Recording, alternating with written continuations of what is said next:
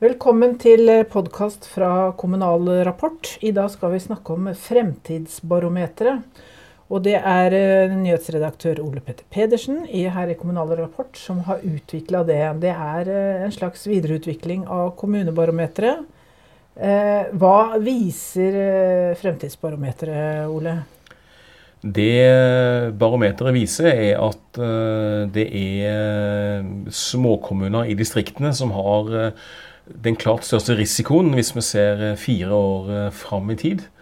Mens eh, det er helt klart vekstkommunene som har en, den sterkeste stillingen, egentlig, når vi ser i hvilken retning utviklingen går.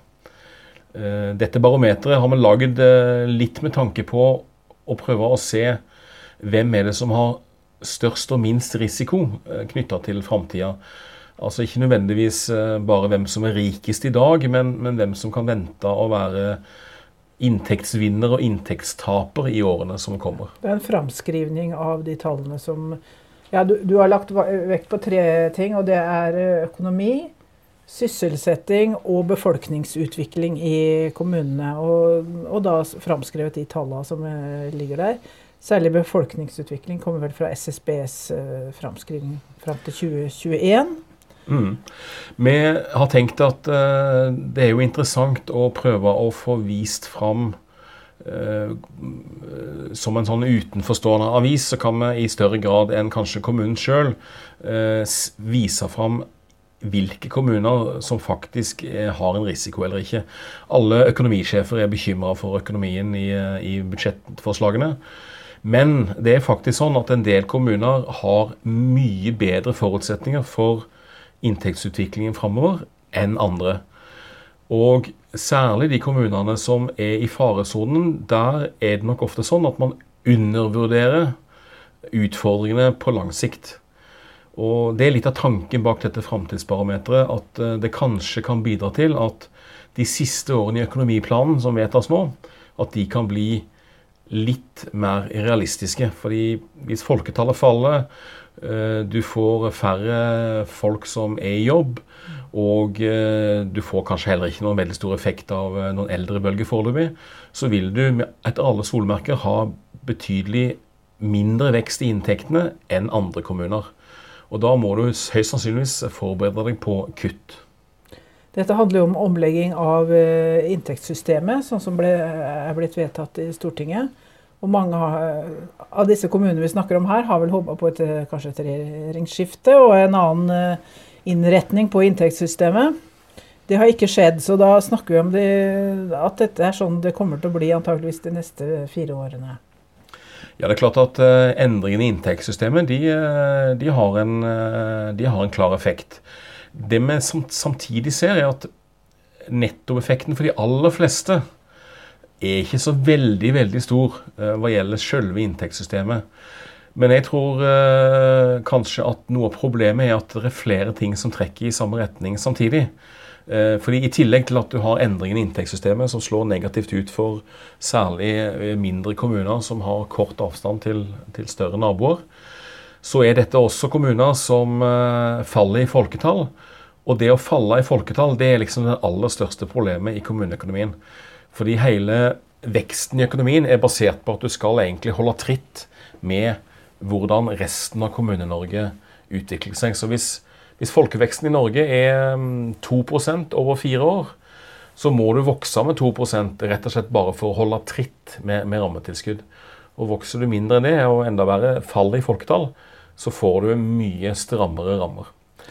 Vi har sett litt på du sier kommuner som har kort vei til en større kommune. og Det er vel det regjeringa kaller frivillig liten kommune. Det er dem som sliter. og Vi har vært uh, i Aremark, som er i Østfold. Ligger inne ved svenskegrensa. Det er en sånn kommune. Det er uh, flere som ligger på det sentrale eller litt usentrale Østland som, som, vil få sånne eh, problemer, og da kanskje må vurdere kommunestrukturen en gang til? Ja, jeg tror nok at uh, vi vil se framover at uh, diskusjonen vil dukke opp igjen flere steder. I, i kjølvannet av kanskje litt opprivende budsjettdiskusjoner hvor man må begynne med kutt.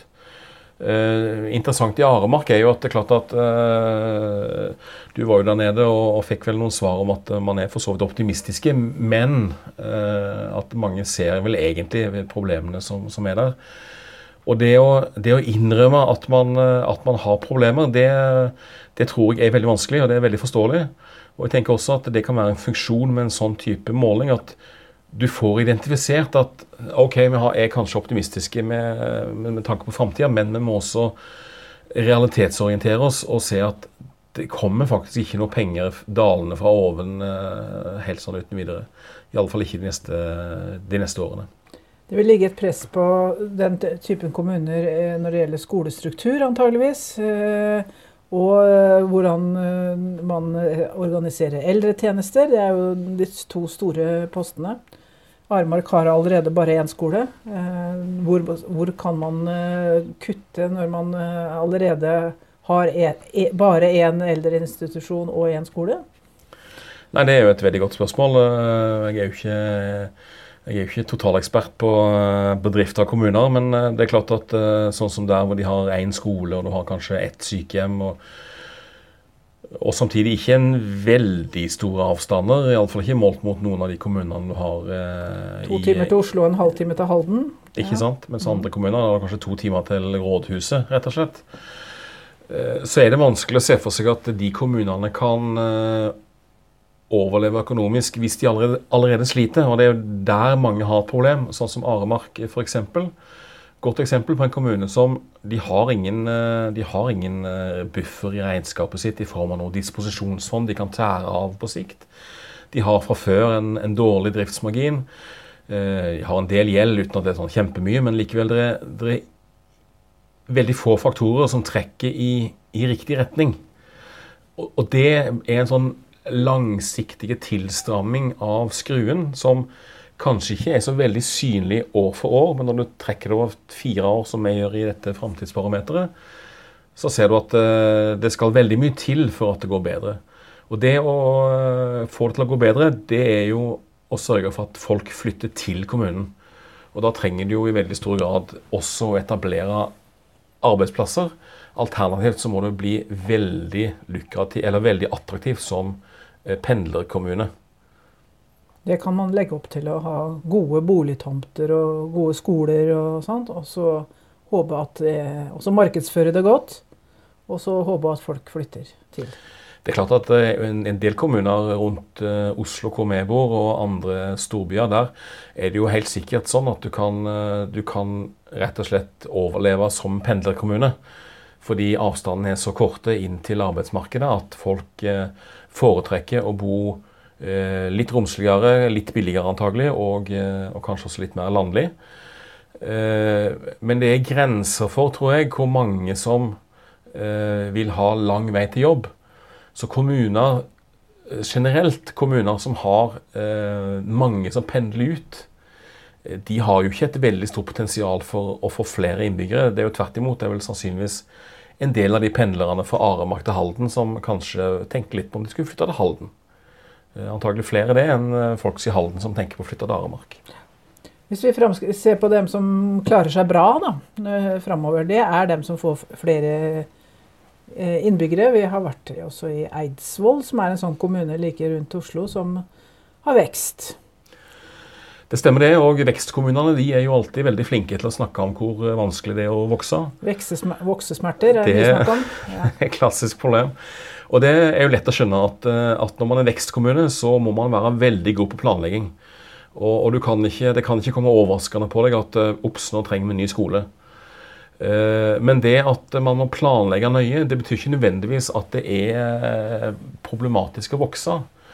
Og når man ser på, når man ser på tallene, på fakta, så er det jo sånn at en kommune som Eidsvoll, som har veldig lave inntekter i utgangspunktet, sånn rammebetingelsene er dårlige, men de har veldig gode driftsresultat. De har masse penger eh, på bok, og de har ikke spesielt høy gjeld. altså Gjelda i Eidsvoll er omtrent som i Aremark. Og eh, den kommunen klarer seg veldig godt. Eh, og det er mange sånne eksempler på eh, vekstkommuner som klarer seg økonomisk sett bra. Og da må man jo kanskje etter hvert begynne å spørre om det kan, kan det faktisk tenkes at, eh, at det å være vekstkommune er det aller beste når man skal liksom se på de økonomiske utviklingstrekkene framover i tid. Det krever investeringer, selvfølgelig, men du får det igjen i form av betydelig inntektsvekst. Eh, og du får som regel også en kraftig vekst i antall innbyggere som skatter til kommunen. Og det er jo den store, viktige eh, faktoren som kommunene sjøl kan påvirke mest. Det er jo å skaffe innbyggere som gir skatteinntekter. Alle vil ha barnefamilier med to eh, arbeidende foreldre? Ja, det er jo litt, eh, litt sånn. Og ingen, ingen, vil jo helst at besteforeldrene flytter etter. Nei, nettopp. Ja. Eh, det er andre gang vi lager dette barometeret. Ser du noe forskjell fra i fjor? Ja, vi har gjort litt, det er litt annerledes i år. I fjor så var det gjort litt enklere. I år så har vi prøvd å ta med litt flere indikatorer, særlig knytta til bl.a. sysselsetting, som jeg eh, har tenkt er en veldig viktig del av, eh, av eh, hvordan man kan eventuelt skape ekstra økonomisk vekst. Og vi har også tatt inn en indikator på om kommunen har noe potensial for å øke inntektene fra eiendomsskatt. Ikke det at eh, det skal være noe mål, tror jeg, at eh, kommunene skal ha eiendomsskatt. Men, men for kommuner som sliter, så er det iallfall viktig å være klar over om det potensialet finnes eller ikke. Um, men man ser ikke de veldig store forskjellene. fordi at um, trenden i Norge er jo veldig tydelig på at folk flytter til byene, vekk fra distriktene. Og det er bare de kommunene som klarer å gjøre noe og motvirke den trenden, som, uh, som kan snu utviklingen. 16 indikatorer er det her. Det er på befolkning, sysselsetting og økonomi. Men det er ingen rangering Sånn som vi gjør med kommunebarometeret, så har vi jo liksom en rangering av folk eller kommunene beveger seg opp og ned på den eh, barometeret. Men her er, sier du at det ikke er noen Er det mer gruppering enn rangering? Ja, hele ideen her har vært å prøve å gi et, et bilde på hvor stor risikoen er for kommunen for, for årene framover, eh, målt mot resten av Kommune-Norge. Uh, og det er jo veldig mye vanskeligere å slå fast uh, framtiden enn hvordan det gikk i fortida. Sånn at vi har valgt å ikke rangere, men, men, det blir mer en gruppering av kommuner som kanskje har størst risiko, nest størst risiko, middels risiko, liten risiko og, og til slutt da de som har best forutsetninger for å, for å møte framtiden. Er det mm, noe kommunene kan eh, benytte seg av? Altså, vi, for, eh, vi, legger det på nett, og vi skriver om det i avisa vår. Ja, i, eh, vår idé har jo vært at vi skal prøve å kunne drive interessant journalistikk også om framtida. Eh, som skal være eh, nyttig. Og selvfølgelig er det jo litt eh, Må vi jo presentere det litt tabloid og, og spissa. Men, men, det skal likevel Det skal ikke være useriøst. Eh, det skal jo være basert på, på de elementene som i størst mulig grad påvirker økonomien, og dermed rammebetingelsene i årene framover. Nettopp. Da følger vi med på det. Takk til deg, Ole Petter Pedersen.